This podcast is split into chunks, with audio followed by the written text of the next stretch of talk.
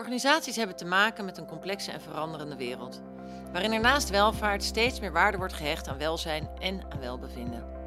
In onze podcast gaan we in gesprek met mensen op zoek naar transformatie en die zich daarmee op ongebaande paden begeven. Welkom bij Ongebaande Paden, de podcast over transformatie.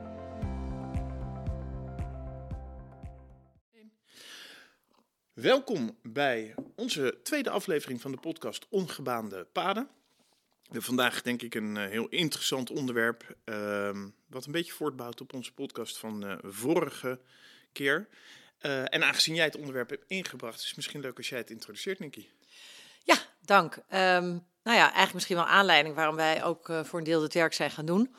Namelijk het feit dat 75% van alle transformaties falen. Wat natuurlijk een dramatisch getal is.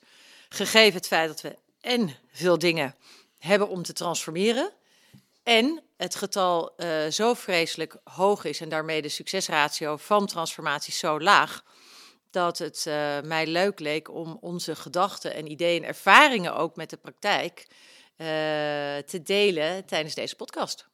Ja, en dan misschien niet vanuit een soort van uh, intentie om mensen allemaal maar uh, half depressief achter te laten op het moment dat ze betrokken zijn bij een, uh, een verandertraject, maar vooral om op zoek te gaan naar de mogelijkheden om dat percentage te gaan oprekken en daar verbeteringen aan te brengen. Ja, ja en, en inderdaad. Dus voor de luisteraar die net dacht, ik ga toch eens kijken wat ze de tweede keer te vertellen hebben, of misschien de eerste keer als je voor het eerst luistert. Um, we gaan je aan de hand nemen, denk ik, van een aantal inzichten hopelijk, waarvan je eigenlijk heel pragmatisch ook al morgen met de verandering waar je mee bezig bent, mee aan de slag kan gaan. Ja, dat zou super ja, zijn. Want soms kan het zo simpel zijn, zo complex als het soms lijkt. Um, maar je hebt mij ooit verteld, uh, want zo begonnen we natuurlijk ooit mee, van waar komt dat getal van die 75% nou ook weer vandaan? Ja, dat is een beetje een illuster percentage. Het interessante is, um, er is best wel weinig onderzoek gedaan naar waarom en hoe vaak uh, veranderingen uh, slagen of veranderprogramma's of verandertrajecten. En wij maken al gelijk de koppeling met transformatie, maar uh, als we echt naar de onderzoeken kijken, is dat echt wel gebaseerd op uitvraag bij organisaties die een veranderprogramma zijn ingestart. Vaak op basis van zelfrapportage. Dus de vraag waar um, in zo'n veranderd traject, in hoeverre mensen dan uh, achteraf terugkijkend op dat traject vinden dat dat is geslaagd. Ja. Binnen de daarvoor gestelde tijd en de daarvoor beschikbare middelen. En over meerdere studies komt er een percentage uit waarin eigenlijk wel blijkt dat 70 tot 75 procent, een beetje afhankelijk van um, de definitie die wordt gegeven aan wanneer een programma dan mag worden beschouwd als succesvol, dat dat niet lukt. Dus omgekeerd 30 tot 25 tot 30 procent slaagt dan wel binnen de daarvoor gestelde termijn en de daarvoor beschikbaar gestelde middelen. En um, er zijn zelfs onderzoeken die meer gaan kijken naar su succesvolle strategie-implementatie. En daar zijn de percentages eigenlijk nog dramatischer. Dus een aantal dingen die we daarin kunnen zien is dat het eigenlijk vrij weinig wordt onderzocht. Dus misschien moeten we ook wel wat voorzichtig zijn met de claim dat het nou per se is dat die percentages zo dramatisch zijn. Maar het lijkt er wel op dat het eerder niet dan wel een succes wordt op het moment dat je start. De getallen zijn een beetje tegen je uh, of in je nadeel. En, en het tweede is um, dat um, die percentages wel heel erg afhankelijk zijn van de definitie. Maar waar wij eigenlijk altijd vanuit gaan is een onderzoek wat een aantal jaren geleden is gedaan tussen verschillende universiteiten die daarnaar hebben gekeken. Dat was op basis van zelfrapportage en de mensen die verantwoordelijk waren voor die veranderprogramma's. Die is de vraag gesteld aan het eind van het programma, is dat binnen de door jou gestelde tijd, doelstellingen en beschikbare middelen, uh, heb je je veranderdoel gehaald? En dan kom je eigenlijk uit op het percentage van 75% dat zegt nee, dat is niet gelukt. En dan brengt misschien wel meteen de volgende vraag naar boven. Van wat is dan inderdaad falen? Hè? Dus wat je eigenlijk zegt, je hebt een veranderd doel. Je hebt een set aan middelen beschikbaar gesteld. En je hebt een bepaalde periode waarin je vindt dat dat moet plaatsvinden. Dus de definitie van falen is, is niet gelukt binnen tijd, middelen, gegeven, een bepaalde doelstellingen. Je ziet volgens mij vaak dat die doelstellingen heel concreet zijn. Hè? Dus veel veranderprogramma's worden opgehangen aan de implementaties van hele grote nieuwe systemen of het doorvoeren van grote organisatiewijzigingen. Sommige gaan wel ook over cultuur. Dan wordt het al wat complexer in de zin van wat minder tastbaar over het algemeen in de ogen van mensen. Of dan wordt het subjectiever.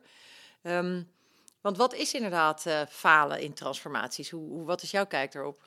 Ja, dat is een hele interessante vraag. En, en dan komen we eigenlijk wel op een van de meer uitdagende veranderkundige, uh, of, of de veranderkundige uitdagingen is precies dat verschil tussen eh, het formuleren van een resultaatdoelstelling, een, een hele concrete doelstelling, zoals wij dat noemen op de, de progressieas, uh, waarbij je als organisatie een uitspraak doet over een resultaat wat je uh, probeert uh, te, te bewerkstelligen. Dat kan bijvoorbeeld zijn aan de klantkant. Hè. Je, je gaat inspanningen leveren om meer klanttevredenheid te ontwikkelen. Je gaat inspanningen leveren om meer je medewerkers uh, te motiveren en tevreden te houden. Of gewoon simpelweg een bepaalde financiële doelstellingen te realiseren. En dat wordt dan allemaal geformuleerd vanuit een gedachte dat je dat van tevoren kunt bedenken. En dat je daar ja. gelijk een labeltje aan kan plakken van ja, wij gaan met dit percentage uh, verbeteren. En dat hoeft ook niet per se uh, onwaar te zijn, in de zin van dat als je dat heel vaak als organisatie in grofweg dezelfde omstandigheden al hebt gedaan, als je al heel vaak uh, een verandering in gang hebt gezet en het eigenlijk elke keer weer blijkt te lukken, dan kun je prima gaan nadenken over een bepaald soort resultaatdoelstellingen. Het wordt al wat ingewikkelder en misschien wat schimmiger op het moment dat die uh, te behalen doelstellingen, dat er eerst nog iets moet veranderen in de omstandigheden in de organisatie. Als er is een ontwikkeling plaats moet vinden op het gebied van wat wij dan noemen mindset, skillset of zelfs de toolset, om überhaupt die stap uh, te zetten op het gebied van uh, tevredenheid, klanttevredenheid, medewerkertevredenheid. En als die relatie tussen die twee aanwezig is, dus als je eerst iets moet ontwikkelen voordat je in staat bent om een bepaald resultaat te boeken, dan kun je al veel minder goed definiëren wat het dan precies is, wat de veranderdoelstelling moet zijn. Dat wordt dan eigenlijk alweer op een wat abstracter niveau beschreven. Dus ik denk dat op het moment. Ja, mag ik je onderbreken? Ja, ja. Dat vinden we dan al heel snel soft, toch? Of ontastbaar. Hè? Dat is een van de grote uitdagingen die ik heb ervaren. Ook nog aan klantkant werkende, zeg maar. Nu zijn de consultants, in termen van plekken. Uh, is dat uh, grote veranderingen, daar waar er investeringen mee gepaard gingen, zowel in tijd als in middelen vroegen eigenlijk om een heel concrete in Excel te berekenen uitkomst. Anders werd die verandering ook niet in gang gezet. Dus je dwingt jezelf ook in zo'n model om te zeggen: het moet een keer af zijn, dan en het levert dat op. Ja, precies. Dus, dus op het moment dat je veranderprogramma heel erg gekoppeld is aan zo'n heel concrete doelstelling.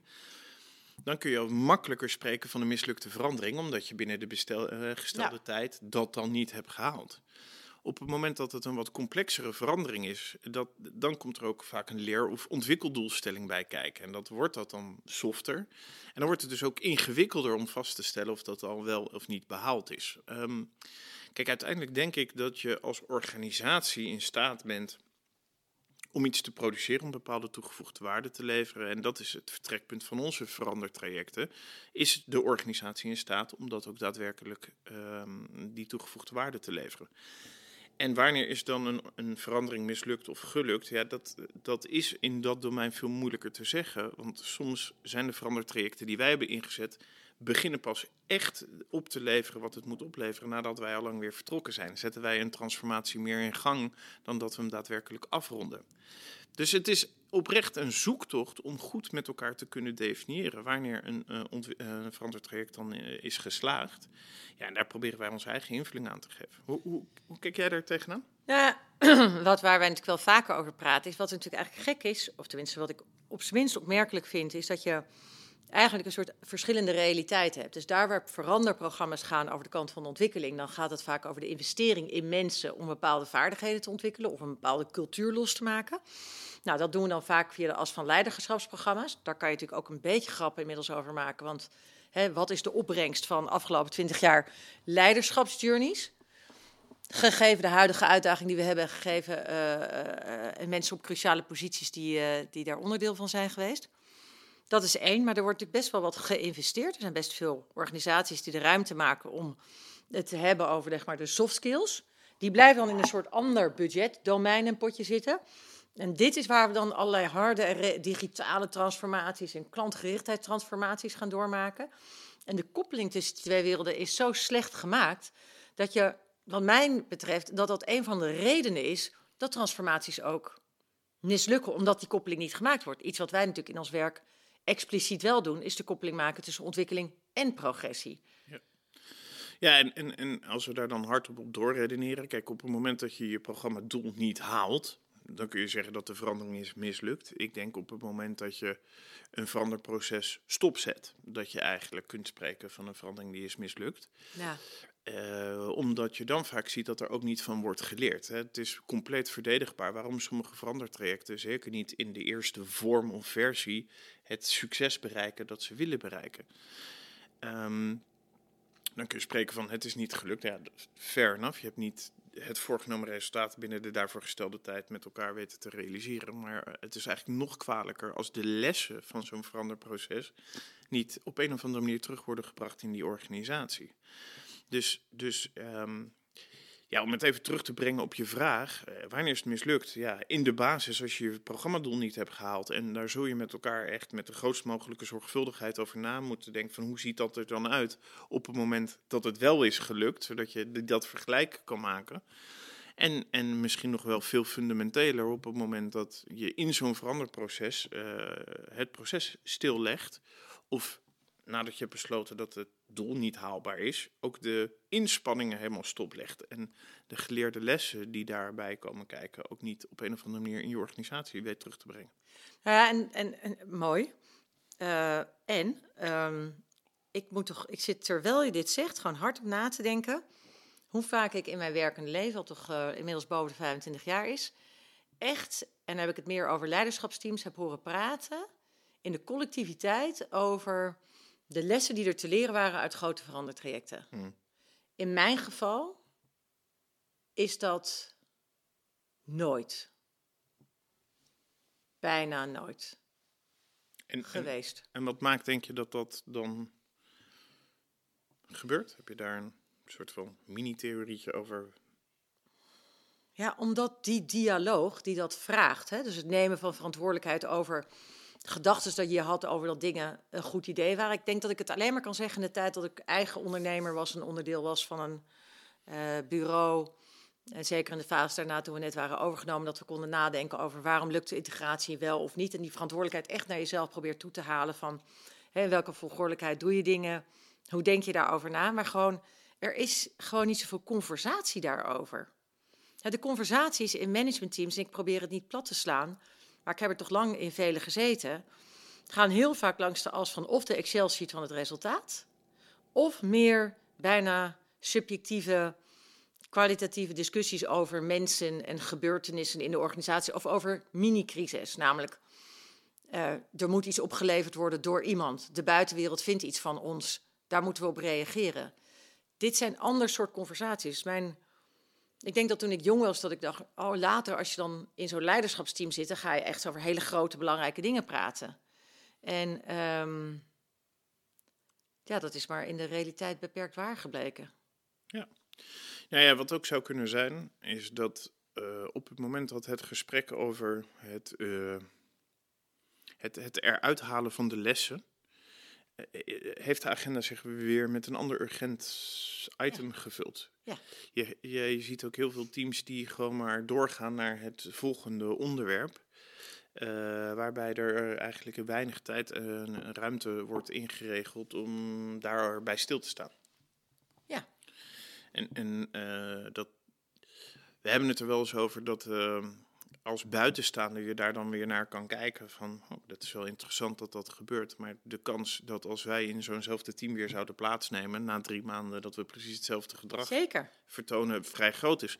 Dus het is kennelijk ook iets in het systeem waardoor uh, uh, we het uh, onszelf in die situatie niet permitteren om daar dan echt even bij stil te staan en ja. wat dieper op in te gaan. Ja, en dat is en waar en, en, en in die zin heb ik mezelf daarin altijd wel een outcast gevoeld. Ik had altijd een verlangen om stil te gaan staan bij dingen. En was degene die graag wilde dat we op een heidag gingen zitten om elkaar beter te leren kennen. En nogmaals, niet beter leren kennen omdat ik graag wil weten of je van vissen houdt en in het weekend. Maar omdat ik graag wil weten hoe je in het werk zit, hoe je kijkt naar dingen. Omdat als je elkaar beter begrijpt, kan je ook veel meer op dat niveau met elkaar gaan communiceren. Alleen, uh, er was niet altijd een wederzijds diep verlangen van mijn collega's om dat te gaan doen. Ook weer vanuit de gedachte, is dat dan een goede investering? En waar halen we dan de tijd vandaan om dat soort gesprekken te voeren? Dus onze relatie met tijd, en dat is wel mooi, want in dat falen van transformatie zit ook die component tijd. Hmm. Onze relatie met tijd is zo verziekt geraakt dat we niet eens de tijd nemen om te definiëren wat succes is in een verandering, anders dan dat het past in een Excel-sheet of in een PowerPoint. En als we het dan gaan doen en het loopt niet zoals we willen, dan nemen we ook niet weer de tijd om na te denken en met elkaar te reflecteren over uh, wat er nou precies gebeurd is. Zonder dat het gaat over schuld geven aan een extern bureau aan wie dat lag, of aan Pietje of Jantje of Truusje die het niet goed begeleid heeft. Um, naar nadenken over wat die remmende en drijvende krachten zijn die maken dat dingen wel of niet slagen. En misschien ook wel een brugje naar ons volgende punt. Um, hebben organisaties wel voldoende zicht op die drijvende remmende krachten die gaan spelen bij dit soort uh, situaties?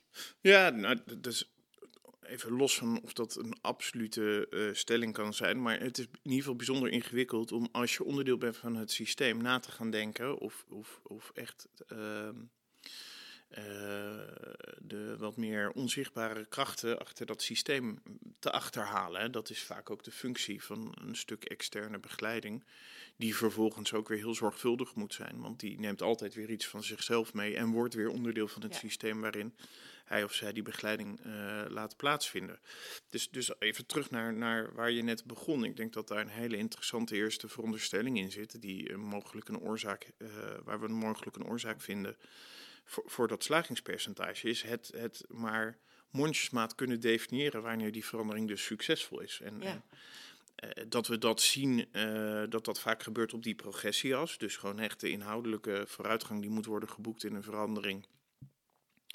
Terwijl dat heel vaak eigenlijk op voorhand heel lastig zich laat voorspellen. Dat, dat, dat kan een reden daarvoor zijn. En precies wat jij aanhaalt is die relatie tussen de stukjes ontwikkeling die moeten plaatsvinden om überhaupt te komen tot dat andere resultaat. Ja, dat maakt dus wel dat je op een heel ander niveau met elkaar in gesprek moet gaan over wanneer is die verandering succesvol. Om vervolgens daarvan te kunnen leren of je er nou doorheen komt of niet. En dat vraagt ook wel een hele andere inrichting van een veranderprogramma waar dus tijd is voor dat soort dialoog en tijd is voor dat soort gesprekken. En misschien dat daar wel een tweede punt zit, is hoe organiseren we verandering? En dan komen we weer op het punt wat jij eigenlijk eh, aangeeft. De dremmende en de drijvende krachten achter die verandering. Dus heel veel organisaties, die doen een hele hoop van de dingen die ze doen, omdat dat ooit compleet functioneel was. Ja.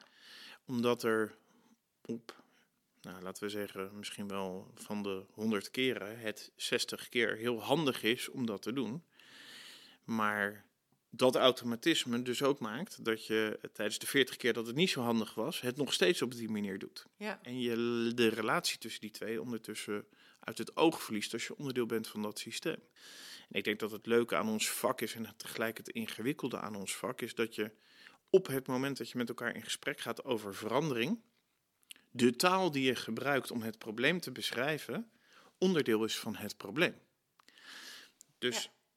wanneer een team gaat zitten om over een verandertraject en in het bijzonder een transformatie uh, te gaan praten en na te gaan denken, zal het eerste probleem wat ze moeten overwinnen zijn, is inzicht krijgen in die remmende krachten die voor een deel zit in de manier waarop ze dat ja. veranderkundige probleem beschrijven.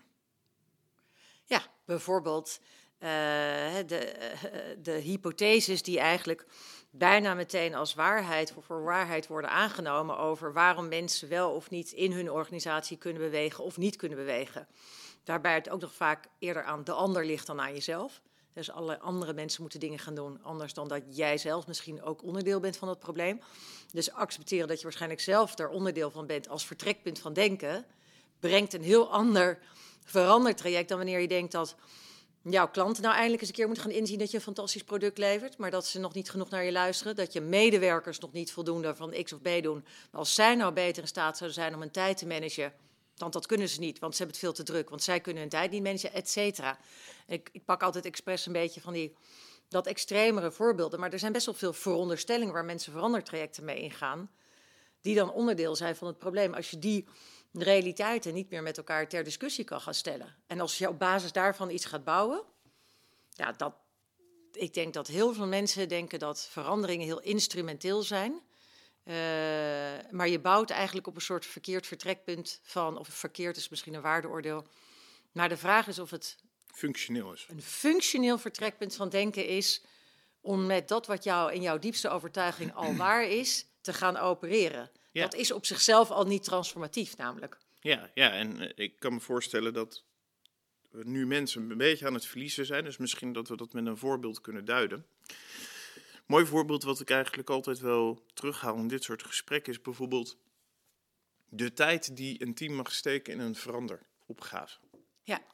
Dus vaak als wij in een team, eh, bij een team betrokken raken, dan zijn dat niet mensen die zich al dagdagelijks zitten te vervelen en een enorme hoeveelheid tijd over hebben in hun agenda. Dat zijn vaak de mensen die al eh, openstaan voor het aangaan van een veranderkundige uitdaging en daardoor vaak al in allerlei trajecten zijn betrokken en, en vaak een bepaalde positie hebben. Die hebben het dus druk.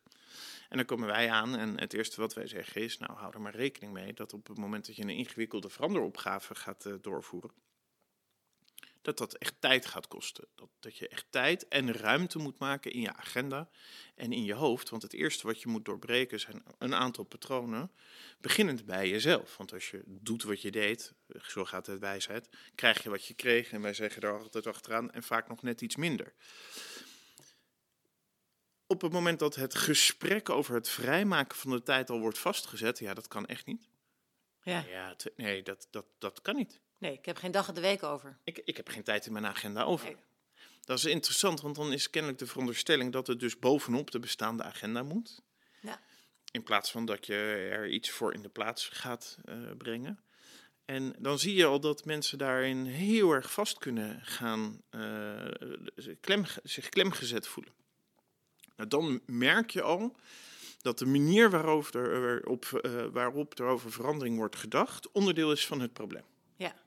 dat er een stille hoop is dat er geen prioriteit hoeven, hè, dat je geen prioriteit aan zo'n verandertraject hoeft te geven, dat je het niet te- ten koste laat gaan van de bestaande prioriteiten en dat het er wel bij kan. Ja. En als je niet oppast en je als, als begeleider, eh, of je nou intern of extern komt, meegaat in die gedachten, bestendig je die gedachten dus ook. Dus Ja. je eerste veranderkundige interventie is om te onderzoeken of het mogelijk is om ruimte te maken voor een andere denkwijze over zo'n complexe verandering. Te beginnen met hoeveel tijd je er überhaupt in moet gaan steken om dingen voor elkaar te krijgen.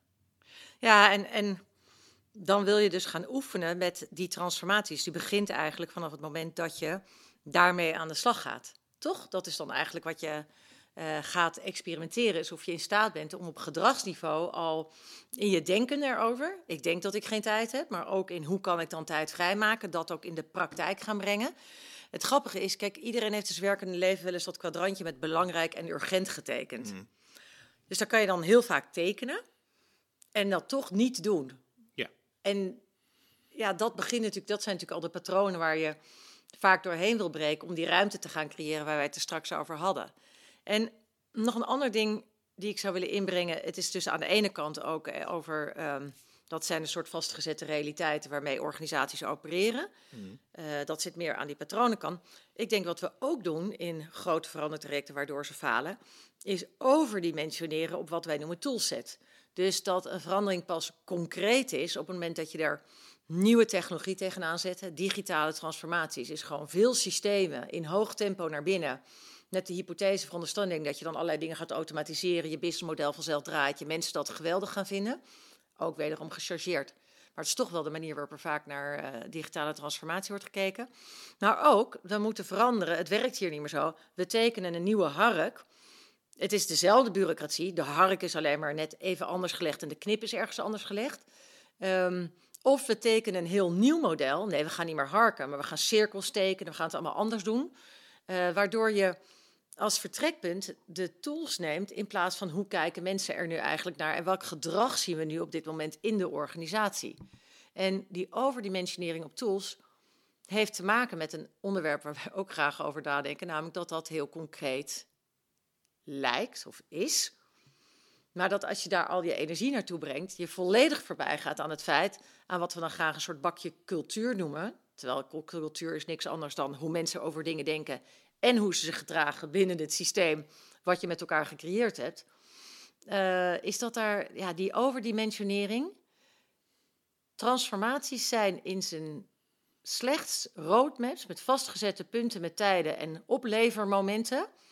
En ik zweer het je, als wij dat zouden gaan doen, zouden wij, denk ik, tien keer zoveel klanten hebben.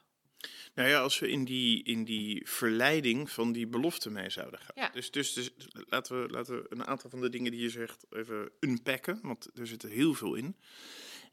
Eén is, er zit natuurlijk iets heel verleidelijks aan het reduceren van de complexiteit van een verandering tot aan het implementeren van het zij een instrument, het zij een nieuwe structuur. Want die kun je bijna beetpakken. Die, Ja. die zijn heel makkelijk eh, te controleren. En dat is toch wel heel wezenlijk dat je daar controle over uit kan oefenen. En op het moment dat je het hebt over de houding en gedrag van mensen, is dat gewoon veel ingewikkelder. Dus het is een hele begrijpelijke verleiding die dan eh, daarin optreedt. En, en dan moet je ook niet onderschatten dat er natuurlijk ook heel veel organisaties zijn die beloven dat dat eh, de manier is waarop je een verandering doorvoert. Dus over die structuurkant en over die toolkant. Hè. Dus dat is ook misschien ook wel gewoon een, een, een, ehm, een eenvoudige oplossing voor een complex probleem, die daardoor niet eh, bijna nooit oplevert wat het zou moeten opleveren. En over de deliverables, ja, wij hebben wel eens gezegd, er is meer fictie geschreven in Excel dan in Word, omdat juist dat soort Excel-bestanden de indruk wekken dat het iets is wat weer vrij makkelijk ook weer te controleren is en te beïnvloeden is. Terwijl als je het oprekt en niet alleen nadenkt over welke tools er moeten worden ontwikkeld, maar precies wat jij zegt, hoe gaan we de mensen meenemen?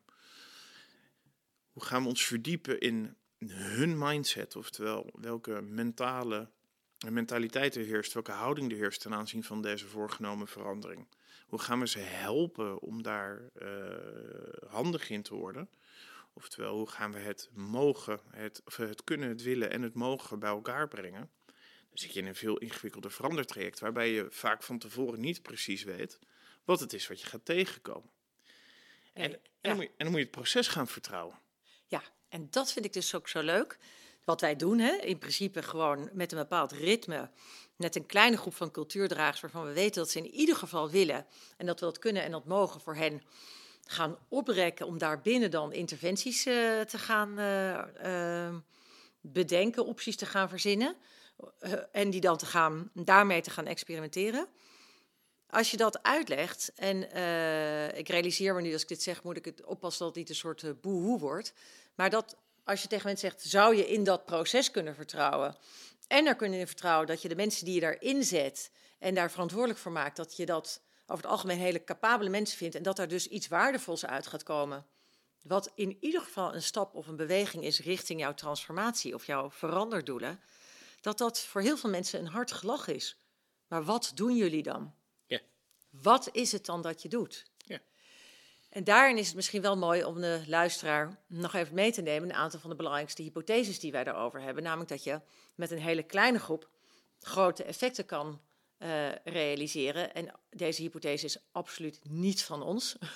Die komt van allerlei mensen die er. Zoals bijna al onze hypotheses eigenlijk niet. De meeste hypotheses die we hebben zijn uh, absoluut van anderen. Dat maakt het overigens ook geen seconde minder waardevol of ons minder waar. Wat wij eigenlijk doen, ik probeer dat aan mijn dochter ook uit te leggen. Wij proberen het gedachtegoed van mensen die daar al heel lang heel goed over na te denken, in de praktijk en in de realiteit van de organisaties toe te passen. En ja. een van die gedachten is over kleine interventies leiden tot grote uitkomsten. Ja, ja, ja dat is een, een wetmatigheid uit de systeemleer. Dus, dus allereerst, ja, wij vinden het gewoon helemaal leuk om, om uh, de, die, die 75% gewoon te verbeteren. Dus wat je dan kunt doen, is je kan proberen alles zelf te bedenken. Of je kan gaan kijken daar waar die uh, kans op succes al is vergroot. Ja. En uh, daar kan je op verschillende, uh, daar kom je op verschillende vormen van de vakliteratuur uit. En, en wat wij in ieder geval ook proberen te doen, is te onderzoeken in een organisatie waar het vast zit. Dus waar zit het gefixeerd? Dus je hebt organisaties die zitten heel erg gefixeerd op het denken in absolute en in, in, in, in het objectiveren en er heel veel getallen tegenaan gooien en het heel proberen heel tastbaar te maken. Er zijn ook organisaties die zitten heel erg gefixeerd op het er maar over hebben, het, toestaan van dialoog. En waarbij de meerdere werkelijkheden, het bijna het subjectiveren, het probleem begint te worden. En dan onderzoeken wij waar kunnen we dat weer losmaken, zodat er ruimte ontstaat. Waar zit het vast en hoe kun je daar tegen bewegen, zodat het loskomt. En um, een van de uh, systeemwetten die we daarin eigenlijk altijd tegenkomen, is dat een heel groot systeem wat vastzit bijna onveranderbaar lijkt. Ja. Als je een grote organisatie met heel veel medewerkers, met heel veel structuur en heel veel rapportages en heel veel processen en heel veel beleid en heel veel overleggen en heel veel, heel veel, heel veel. Ja. En dan gaat zeggen, hoe ga je dat dan ga je in je hoofd al die dingen optellen vanuit het idee, dus dat moet je allemaal gaan beïnvloeden en veranderen. Nou, dat, geluk, dat hoeft gelukkig niet, want daar kom je eigenlijk neer op een prachtige wet uit, ehm, die opgaat voor complexe systemen. En bijna elke organisatie, nou ja, je kan zeggen de facto elke organisatie is een complex systeem. dat kent een bepaalde asymmetrie. En het eerste herkennen mensen bijna altijd, namelijk dat je in die hele grote complexe systemen soms hele grote inspanningen levert. En dat er maar een heel beperkt en klein resultaat uitkomt. Ja. Dus daar worden heel veel mensen gemobiliseerd om met heel veel bombarie ongelooflijk veel energie te zetten om een gedragsverandering op grote schaal. En dat je naar een jaar gaat kijken en dan ja, daar is eigenlijk niks veranderd. Nee, ja. Niet wezenlijk. Niet wezenlijk. Dus het is asymmetrisch. De inspanning en de uitkomst, die staan niet met elkaar in verhouding. Het goede nieuws van diezelfde wetmatigheid is dat je hem kunt omdraaien. Je kunt met een onevenredig kleine serie inspanningen een onevenredig grote uitkomst produceren. De kunst is echter dat je dus heel goed moet leren begrijpen waar dan de kantelpunten in zo'n systeem zitten. Dat als je daar interveneert, dat je nog veel meer krijgt, terugkrijgt vanuit de inspanning of, uh, die je levert. En dat is een van die, die, die, die, die technieken die wij uh, gebruiken, is om daar handig, het team dat we begeleiden, daar handig in te laten zijn.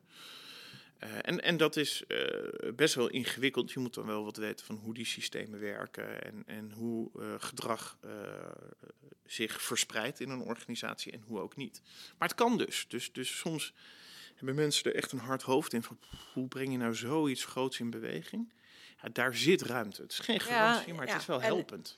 ja, Rotmans noemt dat zo mooi de illusie van machteloosheid. Hè? Het is ook soms voor veel mensen uh, uh, een geruststellende idee, uh, zowel voor de mensen zelf als degene die er leiding aan geven, om die gedachte aan machteloosheid in stand te houden. Dus we hmm. kunnen er toch niks aan doen, dus gaan we achterover zitten. En of het nou een probleem is wat je in je organisatie aantreft, of daarbuiten in de maatschappij om je heen, wat kunnen we eraan doen? Ik kan alleen maar meedoen in het systeem.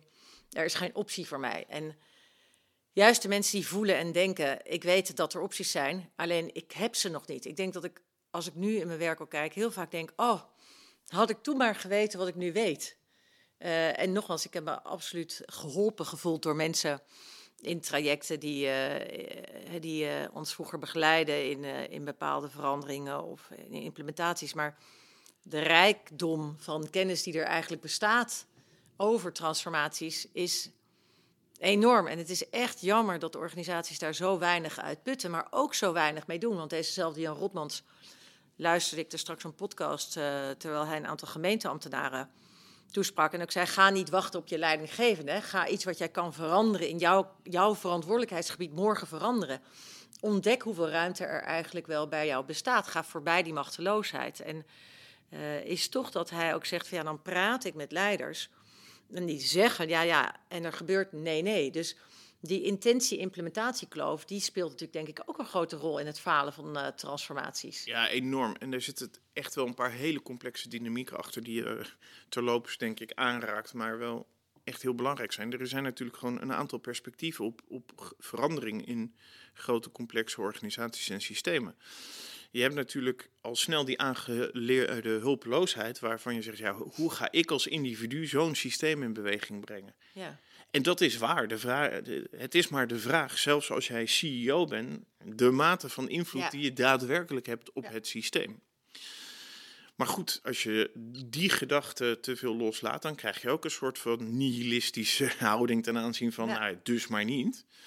En omgekeerd, als je te veel op het collectief gaat zitten wachten, dan uh, hè, tot het collectief in beweging komt, ehm, ben je vaak ook te laat. Dus je zoekt een soort van balans tussen binnen dat enorme collectief een aantal mensen oproepen om samen dingen te gaan bewegen, om, om, om momentum op te bouwen. Hm? Een soort bondgenoten. Ik bedoel, in onze programma's noemen wij dat cultuurdragers en worden ze uitgenodigd. Maar voor de mensen die luisteren en niet de luxe hebben van een transformatieprogramma, want dat is het ook een beetje. Hè. Ons inhuren is ook een soort luxe die je zelf ja, of, of überhaupt externe hulp. Of... Ja, externe hulp. Dat is ook niet voor iedere organisatie weggelegd. Hè. Wij praten natuurlijk. We kunnen aan de ene kant kijken naar organisaties waar een overvloed aan winsten worden gemaakt. Maar er zijn net zoveel organisaties die, uh, die in alle krapte uh, uh, moeten opereren door alle omstandigheden die er nu zijn. Dus het creëren van een aantal bondgenoten op een onderwerp gaan nadenken over hoe iets in elkaar zit, daar tijd voor vrijmaken en daar dan interventies op verzinnen is eigenlijk een vertrekpunt van verandering. Ja, en, en, en, en, en interventiekunde is gewoon echt een vak. Dus wat je ook wel ziet, en dat heeft ook wel weer te maken met die enorme veelheid aan literatuur en. en, en, en, en dat, daar moeten we denk ik ook wel wat liefdevol uh, uh, naar kijken. Uh, er is heel veel goed bedoelde rommel op het gebied van veranderkunde. Dat is in bijna elk vakgebied. Maar uh, bijvoorbeeld um, over eenvoudige concepten die complexe veranderingen in beweging zouden moeten brengen. Dus bijna elk stappenplan wat optelt van 1 tot en met 7. En als je die stappen volgt, en dan mag je een verandering verwachten. Die kun je eigenlijk al vanaf het eerste moment gewoon bij de prullenbak leggen. A, omdat als die stappenplannen zouden werken, het na boek 3 wel gedaan zou zijn met het schrijven daarover. En dat is toch echt niet het geval. Want als het zou werken, dan zou er geen deel 5, 6, 7, 8 of 9 of 10 of variant daarop uh, uh, nodig zijn. Maar vooral ook omdat de verleiding van die boeken is dat ze iets complex te eenvoudig maken. Dat is een briljante, uh, ik weet niet of je Occam's Razor of Occam's schermes kent. En, dat is eigenlijk een, een, een, stelling. Dus als ik me niet vergis, uit de middeleeuwse wiskundige die zei: op het moment dat je uh, verschillende opties, of oplossingen voor een complex probleem kent, dan kun je maar het beste kiezen voor de meest eenvoudige oplossing, tenzij de complexe oplossing heel goed onderbouwd is. Dus op het moment dat je complexiteit aangaat en je moet kiezen, kun je maar beter kiezen voor de eenvoudige oplossing, tenzij er een complexe oplossing ligt met een hele, hele goede onderbouwing. Ja. En wat wij vaak doen is dat we die laatste optie, wij luisteren meestal naar het eerste deel van Occam's Razor, de eenvoudige oplossing. Ja. Maar er zijn steeds meer complexe oplossingen met een goede onderbouwing. We hebben steeds beter zicht op in ieder geval onderdelen van de complexiteit en, en van verandering. Ja, want je kan die in kaart brengen. Ik bedoel, uh, ook dat en daarbij stilstaan. Hè? Als je als organisatie kijkt um, en je kijkt eigenlijk wat er allemaal op je afkomt, in welk tempo er dingen op je afkomen. Dat kan zijn vanuit je interne organisatie. Hè? Het feit dat je te weinig medewerkers hebt om uh, de, uh, je, je toekomstige bedrijfsmodel überhaupt draaiende te houden, tot je klanten die in beweging zijn en andere dingen van je eisen, tot de leveranciers die niet meer mee willen doen. En of prijzen die verhogen in de markt, de omstandigheden en het beleid waar je mee te maken hebt vanuit uh, de Nederlandse wetgever en uh, de Europese wetgever. Dat is een omvang bekijken en dat dan in een, in een omgeving en in een realiteit met elkaar gaan duiden. Ja, dat doe je niet uh, smiddags op een heidag tussen, of in je managementteam overleg tussen drie en vijf. En dat doe je misschien niet eens op een heidag. Het vraagt echt tijd en aandacht. En dat is denk ik mijn allergrootste verbazing. Is dat we toch tot op zekere mate eigenlijk alsmaar binnen dat jaar blijven opereren. Dus wat wij ook noemen, dan is het geen transformatie, maar optimalisatie. Ja. Dat wat we aan het doen zijn, proberen we steeds een beetje beter te maken. En hopen dat we al struikelend zo'n beetje richting die grote ambitie die we daar ergens geparkeerd hebben voor over tien jaar. Ja, want een visie is er nou, soms wel of soms niet. Maar dat tussen wat je nu aan het optimaliseren bent en die visie, moet er iets wezenlijks veranderen. Of van de manier waarop je geld verdient, of in de waardepropositie zoals je die uh, uh, um, naar je klanten levert, maar misschien ook wel op de manier waarop je jezelf georganiseerd hebt voor nu en voor de toekomst. En dat, ja, dat gesprek, dat is wel transformatie. Nou, als je nu helemaal afgehaakt bent, dan vind je dit onderwerp leuk. Ja, wij vinden dit dus enig, kunnen hier echt heel lang over nadenken. Ja, en, en doen we dat ook weer op onze eigen ongestructureerde manier. Dus we gaan uh, zeg maar van uh, een beetje uh, Wikipedia-achtig klikken we van het ene naar het andere onderwerp. Dus, dus om daar nog enigszins structuur in aan te brengen in onze verkenning waarom het nou is dat veel veranderingen niet slagen is zijn we daar eigenlijk al op uitgekomen dat dat allereerst komt bij het starten met een bepaalde definitie van succes. Ja. Nou, wanneer is het überhaupt succesvol en hoe kun je dat definiëren? En hoe wij daar een beetje zelf proberen onze definities aan te geven in onze begeleiding. Tweede, relatie met tijd. hoeveel uh, tijd is er eh, en wordt er gemaakt en hoeveel ruimte is er en wordt er gemaakt. En dat is misschien nog wel een breder onderdeel in het nadenken over zo'n verandering. Gebeurt eigenlijk de facto al in het systeem waar de problemen in en om dat systeem zijn ontstaan. Dus, dus dat wil je proberen te ontstijgen. Je wil grip krijgen op die remmende factoren. En we hebben het gehad over uh, de overdimensionering op de tooling. Dat, dat er een behoefte is om iets wat complex is toch te reduceren tot iets wat weer gecontroleerd kan worden. Omdat er toch een hele angstige gedachte ontstaat dat het misschien wel helemaal niet zo veranderbaar is als dat je hoopt. En dan liever in een soort van schijnrealiteit wegkruipt dan dat je die complexiteit aangaat en zegt, ja, we gaan gewoon kijken waar we uitkomen. Met als consequentie dat je heel veel vertrouwen moet hebben in het proces. En, en dat is toch ook een beetje een kip-ei verhaal, want vertrouwen ontstaat vaak uit succeservaringen, maar die succeservaringen veranderkundig ontstaan pas als er vertrouwen is. Hè? Dus ja. die wisselwerking van mensen zo vroegtijdig laten ervaren dat er echt wel iets kan gaan bewegen, dat iets wat vast zit weer losgemaakt kan worden en iets wat heel groot en complex is, ook wel bewogen kan worden door op een wat kleinere schaal interventies te doen. Ja, dat zijn allemaal ingrediënten die wij tegenkomen, waarvan we denken dat uh, het belangrijk is om in ieder geval mee te nemen in de afweging van hoe maak je een verandering succesvol. Ja. Misschien wel een leuke gedachte. Wat zijn nou absoluut dingen die je kunt doen vanaf het begin om een uh, verandering vanaf het begin echt gewoon gedoemd te hebben tot falen? Dus wat zijn, wat, wat zijn dingen die jij ziet of tegenkomt waarvan je denkt, joh, dat zijn echt wel een soort van rode vlaggen in en rondom zo'n veranderprogramma of een verander. Ja, ik denk dat je voor wezenlijke transformatie, als je dat probeert in een business case te vatten, en dan heb ik het over de klassieke business case met terugverdientijden. Uh, dat je dan eigenlijk al, ja, in ieder geval, dan heb je aan mij, denk ik, dan, dat, dat geloof ik gewoon letterlijk niet meer. Nee, en, en... Wat niet wil zeggen dat je niet dingen moet vastleggen, dat je geen financiële rapportage van maakt. Dat omgekeerde is ook niet waar. Maar wat ik bedoel is de voorspelbaarheid van een uitkomst van in een best snel veranderende omgeving. Als dat nog steeds je vertrekpunt van denken is, denk ik echt dat je het. Um, dat dat eh, een van de grootste bronnen is voor het falen. Ja, ik denk vooral op het moment dat die business case gebaseerd is op, op, op van tevoren vastgestelde deliverables. Eigenlijk. Ja, dat bedoel ik. Maar dat bedoel ja, ik dus dan is dat af die kosten gaan vallen, dan dan gaan er zoveel mensen daaraan werken. Dan hebben we die tool. Dit zijn de mijlpalen. Als die niet geslaagd zijn, dus zo'n hele, zeg maar, en ik ga niet projectmanagement reduceren tot iets zinloos, want dat bedoel ik er helemaal niet mee. Maar als daar niet een bepaalde veerkracht of flexibiliteit in zit, dus eigenlijk het ontbreken van een vorm van veerkracht en flexibiliteit in de processen, waarbij je dus in staat bent je opnieuw te verhouden tot de realiteit die zich ontvouwt en te kijken, denken, oh, dit dachten we dat waar was. Hè, maar we hebben dit nu gedaan. Oh nee, het is toch iets een beetje minder waar dan ik dacht dat het waar zou zijn. Ja. Als dat niet mag, als alles waar moet zijn omdat je het nou eenmaal al zo besloten hebt dat het waar is. En dit klinkt heel abstract, maar ga maar eens nadenken over hoe vaak mensen denken: dit is zo. Ja, nee, ik, ik, ben het, ik kan je goed volgen en ik ben het met je eens. En, en in, ik denk dat de, eh, de agile school hier best wel interessante oplossingen voor heeft geprobeerd te ontwikkelen in het principe van agile budgeting.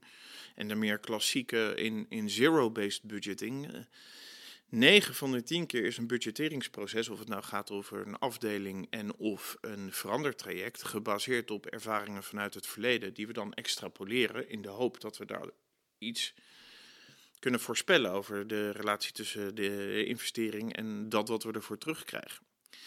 Nou, allereerst zero-based budgeting zegt je gaat eigenlijk met een blanco sheet beginnen uh, na te denken over dat wat je wil bereiken en dan ga je je kostenallocatie doen. Dat levert natuurlijk allerlei complexiteit op, maar dan moet je dus wel eh, elke keer als je dat doet gaan nadenken over oké en, en waarom vinden we dat dit een gerechtvaardigde investering is. En agile budgeting gaat erover dat je in een bepaalde richting wil investeren. En je kijkt eigenlijk elke iteratie weer welk deel van het budget je gaat brengen naar eh, dat element waarvan je op dat moment zegt dat het uh, de hoogst mogelijke toegevoegde waarde heeft daar krijg je dus hele andere vertrekpunten in, waar misschien eh, de afdeling controlling en finance wel wat ongelukkig van wordt, omdat de voorspelbaarheid van die kant neemt gewoon af. Je gaat op een andere manier inschatten hoe die verandering of, of, of dat traject verloopt. Dus ik, dat is heel herkenbaar.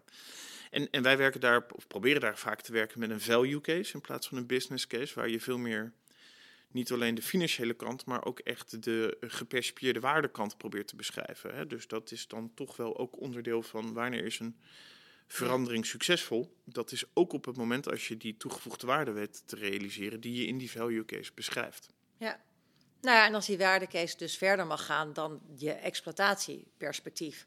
Namelijk, wat levert het in het hier en nu financieel op? En als je dus die waardelensen gaat verschuiven naar meer ervaringswaardelensen, die gaan over hoe is dit voor je klant of hoe is dit voor je medewerker en dat heel serieus gaat nemen, dan zie je alweer dat er zoveel uh, kortsluiting ontstaat in de hoofden van de organisaties, omdat ze niet gewend zijn. Er is geen taal, er zijn geen rekenmechanismen, maar er is letterlijk. Uh, het is men praat vaak, het aantal dossiers waar je ziet, we gaan dit doen om een betere klantervaring te maken. En dan als ze in de beschrijving komen, zeggen en we gaan kosten besparen en het levert meer geld op. Dus we vinden dat heel ingewikkeld. Het is zo'n dus er zit een bepaalde manier van denken in sommige organisaties die zo niet helpend is voor transformaties. Maar je stelde de vraag vast, terwijl je zelf ook een idee had. Dus ik ben benieuwd naar jouw idee. Nou ja, dus ja. Um, Wat is het meest niet helpende? Ik denk dat een van de meest niet helpende dingen is als een verandering begint vanuit de premisse: er moet iets veranderen en dat ligt aan hen. Dus op het moment dat we heel erg druk bezig zijn om.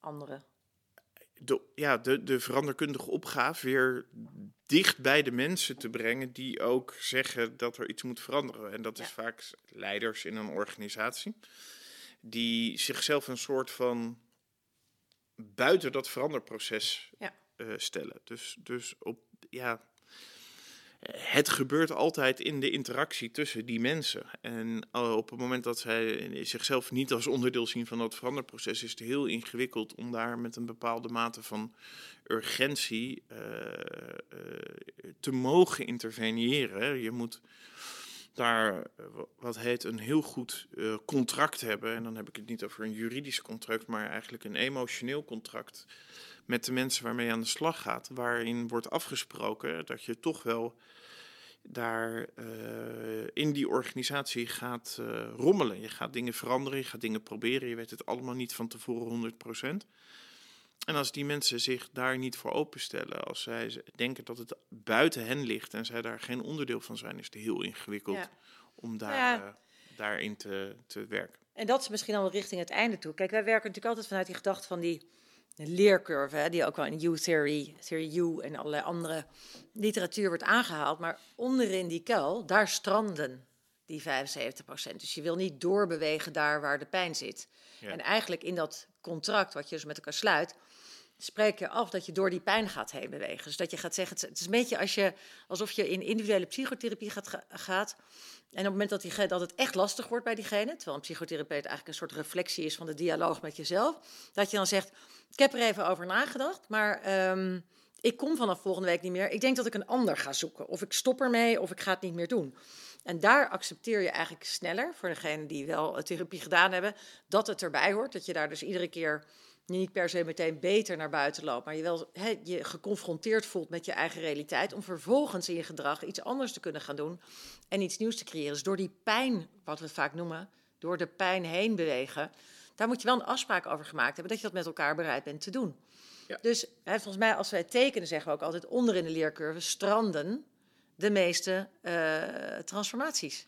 Ja, en dat is een beetje een intuïtieve waarneming die, die elke keer toch wel weer redelijk bevestigd wordt. Is, eh, eh, en dat is ook ingewikkeld, want ehm, dat is het punt Even in de dynamiek van die curve zijn er verschillende momenten. Het eerste moment is vaak waar een opzwepend verhaal wordt verteld over dat wat allemaal mogelijk is. Een wenkend perspectief, een bron aan inspiratie over de eindeloze en grenzeloze mogelijkheden van dat wat kan.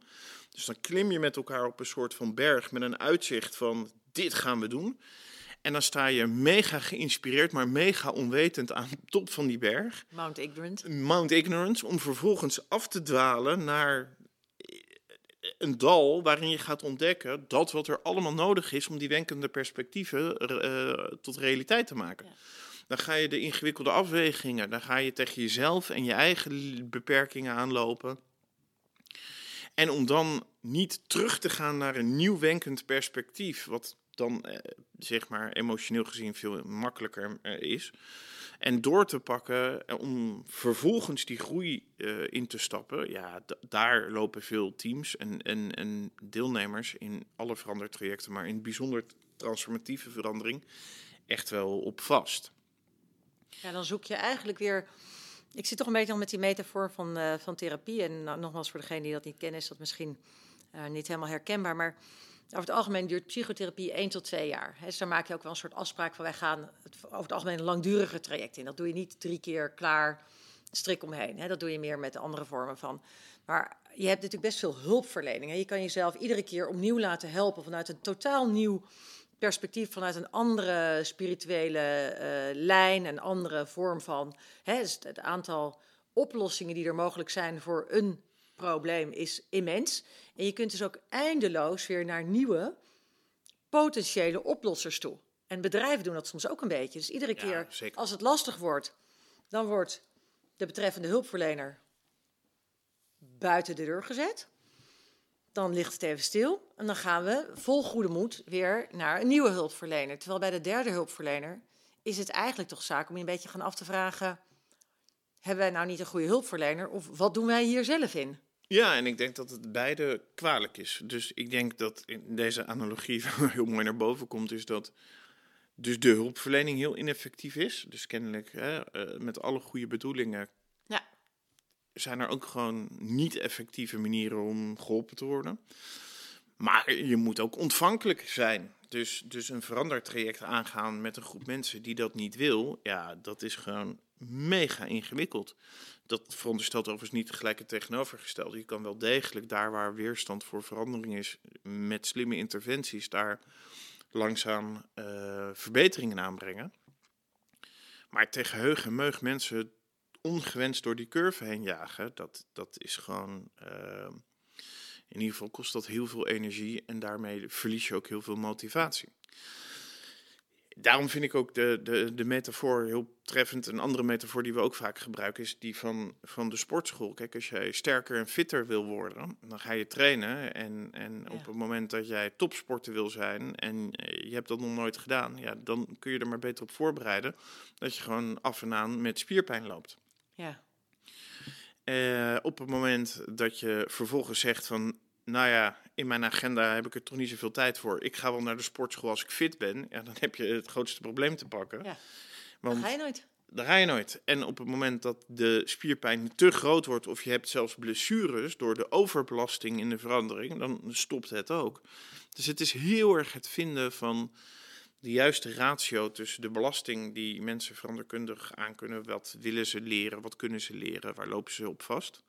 En, en Dan dat, kun je spierpijn hebben.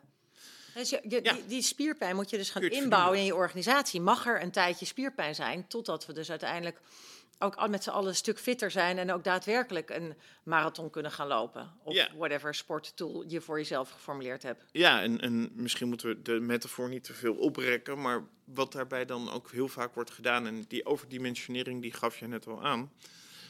Grappig genoeg op dit stuk wordt vaak overgedimensioneerd op motivatie. Dus in totale verandering overdimensioneren we heel vaak op de instrumentarium. Dan gaan we Ja. te veel de instrumentarium gebruiken als veranderkundig eh, tool. Op het moment dat het aankomt op individuele gedragsverandering, gaan we heel erg leunen tegen willen mensen het wel echt? Ja, ja. En het interessante juist in die individuele dynamiek is, is dat je motivatie misschien wel de meest willekeurige bron is van verandering. Omdat dat de ene dag is het heel veel, de andere dag is het weer minder. Terwijl daar het kunnen veranderen en permissie krijgen om te veranderen, oftewel eh, toestemming krijgen om te leren, fouten te maken, er tijd voor te maken, eh, er onhandig in te zijn, hè, de, eh, de, veiligheid te creëren om daar doorheen te komen, veel uh, sterkere factoren dan zijn om het ook daadwerkelijk vol te houden. Veel voorspellender over de verandering. Ja, dus we gaan heel ambivalent. Hè. Dus hier gebruiken we soort heel veel tools, gaan we drukken en die brengen we erin. En als het op aankomt, zeggen ja, maar jullie moeten heel erg gemotiveerd zijn.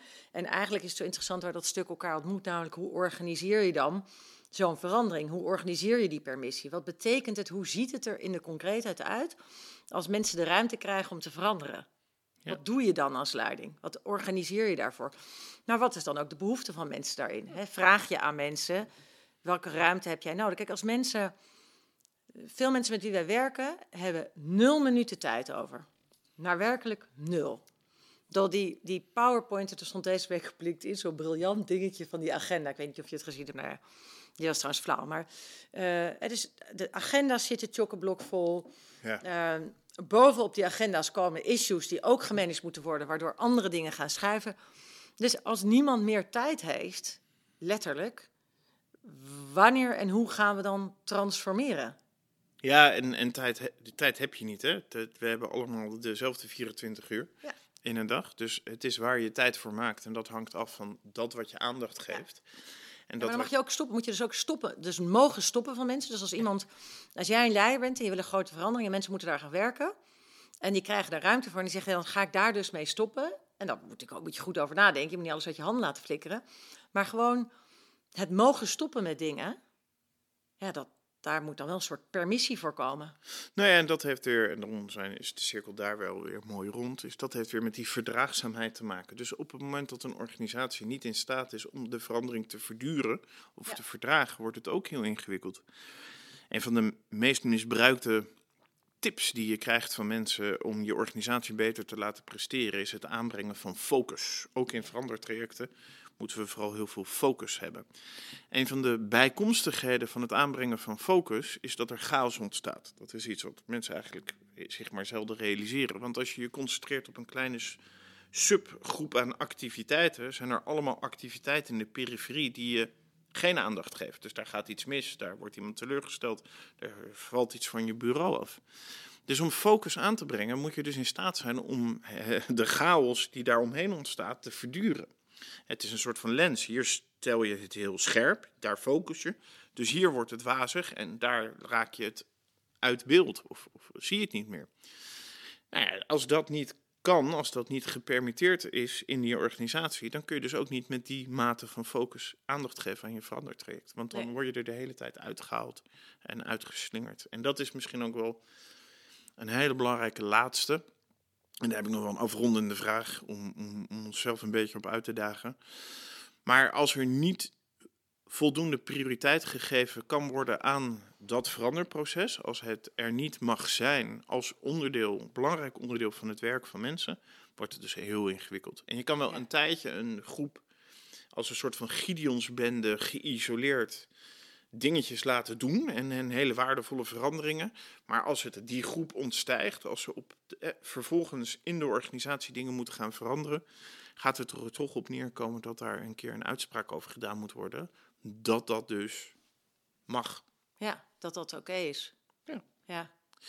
Hey, we zijn er alweer bijna doorheen. We hadden ook een beetje aan het begin, en dat is altijd een uitdaging, omdat wij onze hele ongestructureerde manier van denken hier gewoon lekker op ons publiek afstorten. Uh, te kijken of we misschien één of twee hele concrete tips die mensen morgen kunnen toepassen om hun uh, uh, veranderuitdaging een grotere kans van slagen te geven. kunnen we eens kijken of we vanuit deze verkenning misschien toch met één of twee of drie hele concrete strategieën kunnen komen die mensen morgen kunnen toepassen. Ja, um, een eerste gedachte gaat uit naar um, zeg maar in situaties de situatie op een soort metaniveau gaan bevragen. Mm -hmm. um, en dat gaat denk ik voor mij naar observeren. Mm -hmm. Dus als je wil ontdekken waar dan die remmende factoren zitten, is een van de eerste dingen die je kan gaan doen, is, is morgen een boekje meenemen. Mhm. En is een paar weken lang om je heen gaan zitten kijken. Mhm. Dus terwijl je in een vergadering zit, loop je naar buiten. En dan ga je eens wat dingen opschrijven die opvallen. In termen van woorden die mensen gebruiken. In termen van overtuigingen of hypotheses die eraan te grondslag liggen. Ja. En ik denk dat wat er het resultaat daarvan is, is dat als je na twee weken daarnaar kijkt, en dan nodig ik je wel echt uit om echt dagelijks notities te maken, Mhm. is dat je daarin iets gaat zien. Je gaat iets herkennen waarvan je misschien dan ineens een sleutel in je hand hebt van, ja, maar weet je wat wij hier eigenlijk altijd doen? Puntje, puntje, puntje. En als ik nou, dat is mijn tweede tip, daar persoonlijk probeer een doorbraak op te realiseren. Dus stel je bent iemand en daar mag je altijd heel veel vergaderen en na die vergadering gebeurt er eigenlijk niks.